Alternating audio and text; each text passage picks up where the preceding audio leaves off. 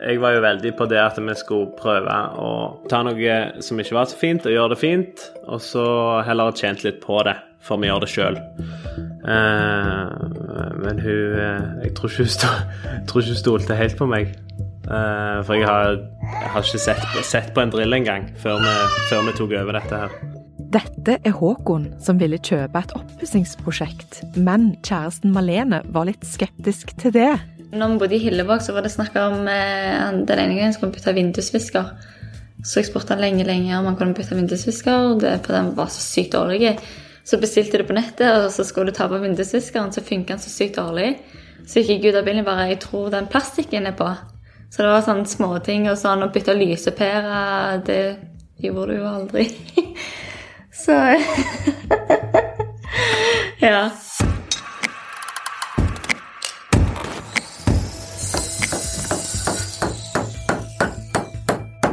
Velkommen til Oppussingsmodus, en podkast fra Bate som feirer 75-årsjubileum med å dele ekte historier om det å skape et hjem. Jeg heter Samina Bruke, og i første episode møter du par- og familieterapeut Lindis Courtney Jåtun. Hun gir tips til hvordan man kan ta vare på kjærligheten gjennom oppussingsprosjekter. De fleste par de kommer pga. de har kommunikasjonsproblemer. Og hvis de holder på med oppussing, så er, kan det veldig godt utløse mange kommunikasjonsproblemer. Og Lindis, helt i starten hørte vi Malene Karlsen som var usikker på om typen Håkon Hunsnes er handy nok til å pusse opp. Forstår du at hun tviler litt på hvordan det skal gå? Eh, hvis jeg var hun, så ville jeg ha blitt veldig skeptisk. Vi skal høre kjærestene Malene og Håkon fortelle om kortvarig, men heftig oppussing. Paret i 20-årene leide en leilighet i Stavanger, så ble Malene gravid, og jakten på et eget rede var i gang. Å skape et sikkert hjem før han kom? Mm. Ja, for jeg har jo søsterspor her eh, borte på Røyneberg, og jeg tror det var han så gang, ja, så fant jeg og sendte en link. Og da var det jo en, veldig mye folk på visning. Men førsteinntrykket i rekkehuset på Sola imponerer ikke gravide Malene. Så det ble liksom en dør der og en dør der, og de gikk i hverandre. Så tenkte jeg at jeg går ikke med barnevogn. Det var det første jeg tenkte. Eh, og så var det veldig mørkt. Ja, det var ikke fint. Likevel, det kunne vel kanskje bli fint? Jeg hadde jo satt meg på sånn eh, forkjøpsrett, er det det dette? Mm. Så han sa jo det når vi var på visning, da, at Eh, det var bare én som sto på den lista, og da visste jo jeg at det var oss. Så da lå vi jo godt an. Da visste vi jo egentlig at vi kom til å få den. Ja, rekkehusleiligheten med de mange dørene ble deres. Bygd i 1979 og del av Varden borettslag i Sola. Barnevennlig og sentrumsnært. 72 kvadratmeter med alt på ett plan og en liten hageflekk. Og mange muligheter. Ja, som ofte betyr masse oppussing i vente. Vi fikk det relativt billig, og så uh, skulle vi pusse opp ett rom. Det var bare kjøkkenet vi skulle starte med. Men så ble det til at vi tok alle rommene til slutt. Uh. Og nå ser jeg at du smiler når han sier det. Vi skulle bare ta ett rom. Ja, det er veldig typisk med oppussing at du starter med en rom eller en vegg, og så plutselig finner du ut nei, nå må vi oppusse det neste og det neste. Du aldri blir fornøyd, og så plutselig har du oppusset det mest. Og hva anbefaler parterapeut Lindis alle par å gjøre før de går i gang med oppussing? Jeg tror det er viktig i begynnelsen at begge snakker om forventning. Hvor mye er den jobben? Hva klarer du? Og tenke litt sånn realitetsorientering. Hva, hva, forventer du fra meg? Hva forventer jeg fra deg? Og klarer du dette, faktisk? Vi tok over 1. mars, og da var vel rett før koronaen slo skikkelig ut. Eller så hadde han Nei, det var rett før. Den kom vel midt i mars, gjorde han ikke det? Sånn ordentlig. At det var lockdown og all slags. Og så eh, hadde jo plutselig ikke jeg skole, og hun hadde ikke noe å gå til. Så når vi tok over dette, så hadde vi jo hele dagene. Så det, koronaen Ikke at det Koronaen er jo ikke en kjekk ting, for å si det sånn, men timingen var bra for vår del. For vi fikk jobbe 12-14 eh, timer hver dag i 35 dager. Vi hadde ikke en fridag. Ingenting fri hadde vi. Hvor mange uker var du på vei? Litt over halvveis. Så sto jo du òg på. Skrudde jo opp et helt Skrudde opp et helt Ikea-kjøkken på tre dager. 72 timer der hun bare satt eh, Hun satt på gulvet og skrudde opp et helt kjøkken. Det var helt ekstremt. Hva tenker parterapeuten? er kan det bli pro- problemer? Ja, for, for jeg tenkte da har de ikke hatt mye tid sammen som par til å pleie parforhold. Da var det bare jobbing, jobbing, jobbing. Så det blir interessant å høre hvordan tonen var mellom de. Var det, var det mer sånn Er du ferdig med det? Er du ferdig med det? Eller var det litt sånn Å, jeg gleder meg nå, alt er fint. Ja, for du tenker at det kan være vanskelig å holde oppe den gode tonen Ja. eh, under en sånn intensiv måned. Så da kan folk ha korte lunt og blir litt irritert på hverandre og tenker åh, hva har vi fått, hva har vi signert her på? Mm. Mm. De forteller jo selv at det er grunnen til at de velger sånn intensiv oppussing, det er fordi at begge to de er liksom sånn ordensmennesker. De liker å ha det ryddig rundt seg, og de ville ikke klart å bo i et oppussingsprosjekt over tid. Yeah. Så derfor føler de liksom sånn For oss så må vi bare gjøre det før vi flytter inn. Ja, og det faktisk er sikkert bra at de går gjennom den tøffe perioden fortere, for det er noen folk som holder på med oppussing et år eller to, og da kan det virkelig drøye seg ut og skape masse problemer i parforhold. Så kanskje de to her hadde en god idé, bare få det gjort, og så de gleder seg når det er ferdig, og så kommer babyen, så de hadde mye å se fram til. Vi får høre hvordan de erfarte denne måneden, da. Jeg tror vi har blitt bedre kjent på mange måter i forhold til det å føle på når den andre gjerne har fått litt nok, eller når man ikke skal snakke, når man skal Når man kan snakke. Eh, hvordan man skal tre fram hos den andre, tror jeg vi har blitt litt mer, bedre kjent på hverandre på. Vi var mye enige, men når du går her eh, tolv timer oppå hverandre og mye sånn med avgjørelser og, Men jeg syns jo egentlig vi ble ganske fort enige òg. Men var, det var jo sånn litt små, litt sånn små Men det var ikke noen sånn store krangler. Det var det ikke.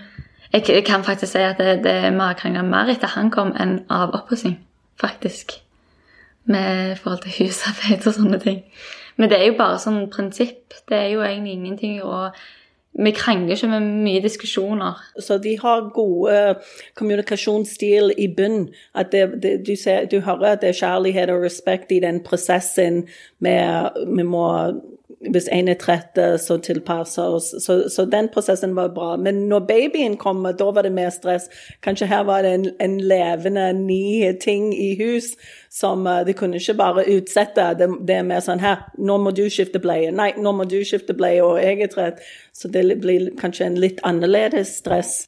Jeg spurte jo òg eh, paret om de hadde hatt lyst til å gå igjennom det samme på ny, eller om de angrer seg litt. Hva tror du de svarer da? Jeg tenker at de sikkert syns det var greit den første gangen, men eh, de vil ikke gjøre det neste gang. Nei, jeg syns egentlig hele prosessen var veldig kjekk. Det var ikke ofte at jeg følte at vet du hva, dette er noe drit. Det var ikke sånn at vi sto i fire dager og måtte bestemme oss for hva farge vi skulle ha på veggen. Altså, vi, vi gikk ned på Obs og så på fargekartet, og så sa vi den tar vi, og så tok vi den. Så gikk vi hjem og malte, liksom. Så alle sånne vendinger gikk egentlig veldig fort, syns jeg. Brukte ikke mye tid på å dvele. Nei. Denne par her, er, de har en god relasjon, at de vil den andre vel.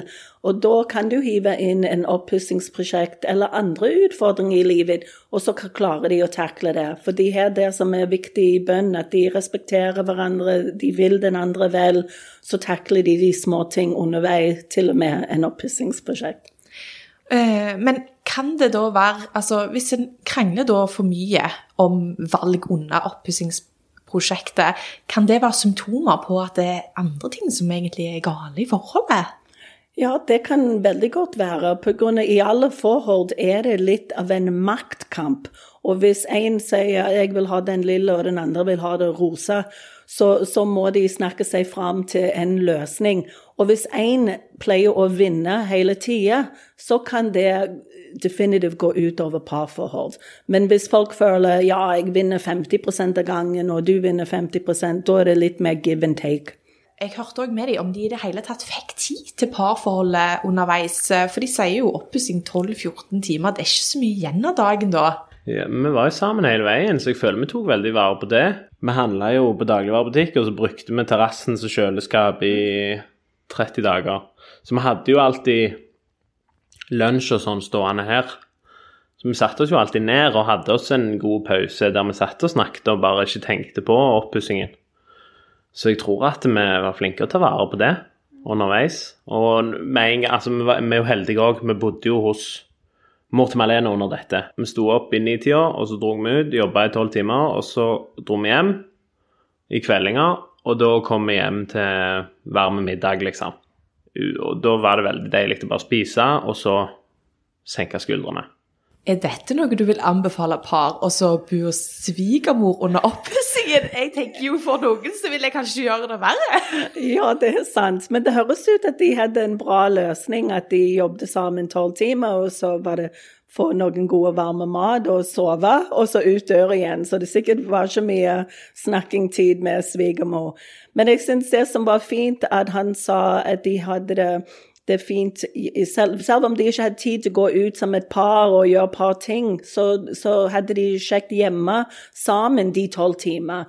Og det er egentlig det en parforhold er. Det er hverdagsliv. Og så hive inn oppussing samtidig. Men at du kan smile, at du kan snakke når du holder på, at du kan ta en liten pause sammen.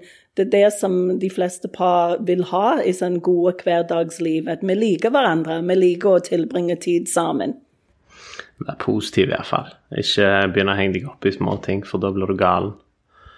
Uh, altså, hvis man leter etter noe og blir irritert for, så finner man jo alltid noe. Så jeg tror det er å være litt uh, rause overfor den andre, tror jeg du kommer ganske langt med. De gjør veldig mye rett, disse her. De gjør det. Absolutt. Tommel opp. De har alt de trenger til å takle alle livets utfordringer. Men hvis du da tenker sånn par da, sånn, som de har ikke god kommunikasjon, og de, de vet det egentlig. Er det lurt å gå i gang med oppussing sammen? Jeg ville tro at de burde gå i parterapi først. For, eh, absolutt. For da kan de jobbe litt med kommunikasjon, og til og med bruke parterapi til å snakke om den oppussingsprosjekt. For da kunne de si om hvordan de vil ha det, hvor mye penger de vil bruke, hvem skal gjøre det, og bli litt enig, og så samtidig øve på å snakke og bekrefte og validere det den andre personen sier. Jeg hadde ikke trodd at det skulle bli så bra som det har blitt. Jeg er sykt fornøyd. Og jeg trodde kanskje at han gikk litt lei, at det er noe som er sykt kjekt der og da. Og så tenkte jeg at det går sikkert en-to uker med så mye oppassing at til slutt at han liksom ikke orker mer, at vi må ta en pause. Det er jo litt, Jeg har fulgt med sykt mye på Sinnasnekkeren. Og jeg var livredd for at vi ikke skulle bli ferdige, at det ikke skulle bli bra. Men uh, fy søren, han har vært superflink. Så jeg er skikkelig fornøyd. Mm. Fint å høre på. Det var det. For da jeg tror hun er litt stolt over mannen sin. For helt i begynnelsen han visste ikke at han kunne bruke en drill. Og så har hun sett at han står på og ikke slutter. Og så har det blitt fint til slutt. I oppussingsmodus så skal det handle om grønne tips òg. Og de får du fra gartner, arborist og birøkter Dom Hocken fra Bate. En faglig dyktig kar som i tillegg er en inspirerende formidler. Hallo, velkommen til Doms grønne tips. I dag skal vi snakke litt om trebeskjæring. Nå til vinter er det optimal tid å beskjære tre. Det kalde været gjør at treet går i dvale, og så slutter den å produsere uh, og, og, og, bevege så mye væske rundt i treet, så du kan beskjede beskjære det uten å åpne opp hele systemet til inntrenging av sykdom og sopp. Du kan faktisk ta egentlig trebeskjæring hele året rundt, spesielt hvis det er nødvendig vedlikeholdsbeskjæring. Hvis f.eks. en grein begynner å knekke og risikere at det skal dette, det er mye bedre å, å, å beskjære når du må skjære den, og ikke bare vente til neste vintersesong. Men skal du ta kraftig uh, vedlikeholdsbeskjæring, eller at du skal reforme trekronen f.eks., anbefaling å vente til treet i dvale. Uh, det er veldig vanlig at folk tenker de skal beskjære tre hver år, uh, og det, det, er ikke nødvendig. Uh, Det er forskjellige beskjæringsteknikk som, som, som tas i bruk, men en, en vanlig tre som har ikke blitt behandlet med den spesielle teknikkstuving.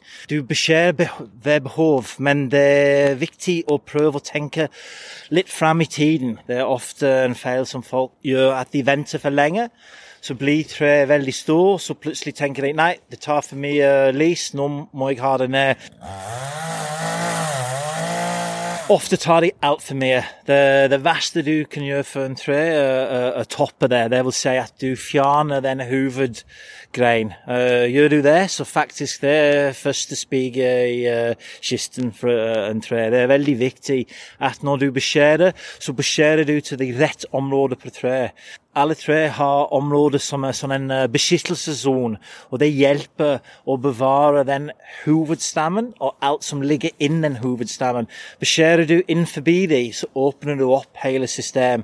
Så igjen, det råder hvis du er litt usikker, det er bedre å spørre, for det, det, det, tar 50 år for treet å vokse opp, men så kan det fort bli ødelagt i ti minutter med, med en uh, motorsag og, og, og litt mangler kunnskap. Skal ikke være redd for å prøve å beskjære, spesielt hvis det er en mindre tre. Du, du kjenner litt til treet, du, du, klarer å, å, nå de greinene uten å henge en tau. Det er ikke nødvendigvis at du må bruke en motorsag heller. Det holder med, med en liten tresag eller håndsaks eller forskjellige enkeltverktøy som du kan, du kan bruke fra bakkenivå. På Bate sin eh, webside så kan du finne bilder og, og eh, forklaring og framgangsmåter om beskjæring. Doms grønne tips med vakker australsk aksent hører du òg i neste episode. Da får du òg møte Malene og Håkon igjen, der de forteller om hvordan de puster opp på budsjett. Vi har jo tenkt oss veldig godt om. sånn som når vi gikk inn på opp, så skulle ha eh, få tak i gulv, så spurte vi jo om det billigste gulvet. Vi fikk jo hjelp av en kompis av deg til å eh, skjære benkeplater. Ja. På fotballaget som er tømmermann. Eh, jeg sa til han at han skulle få en sekspakning med pils hvis han kom og hjalp meg med benkeplater. Takk til parterapeut Lindis Courtney Jåtun for gode råd i aller første episode. Oppussingsmodus blir laga av Impress Publisering for Bate.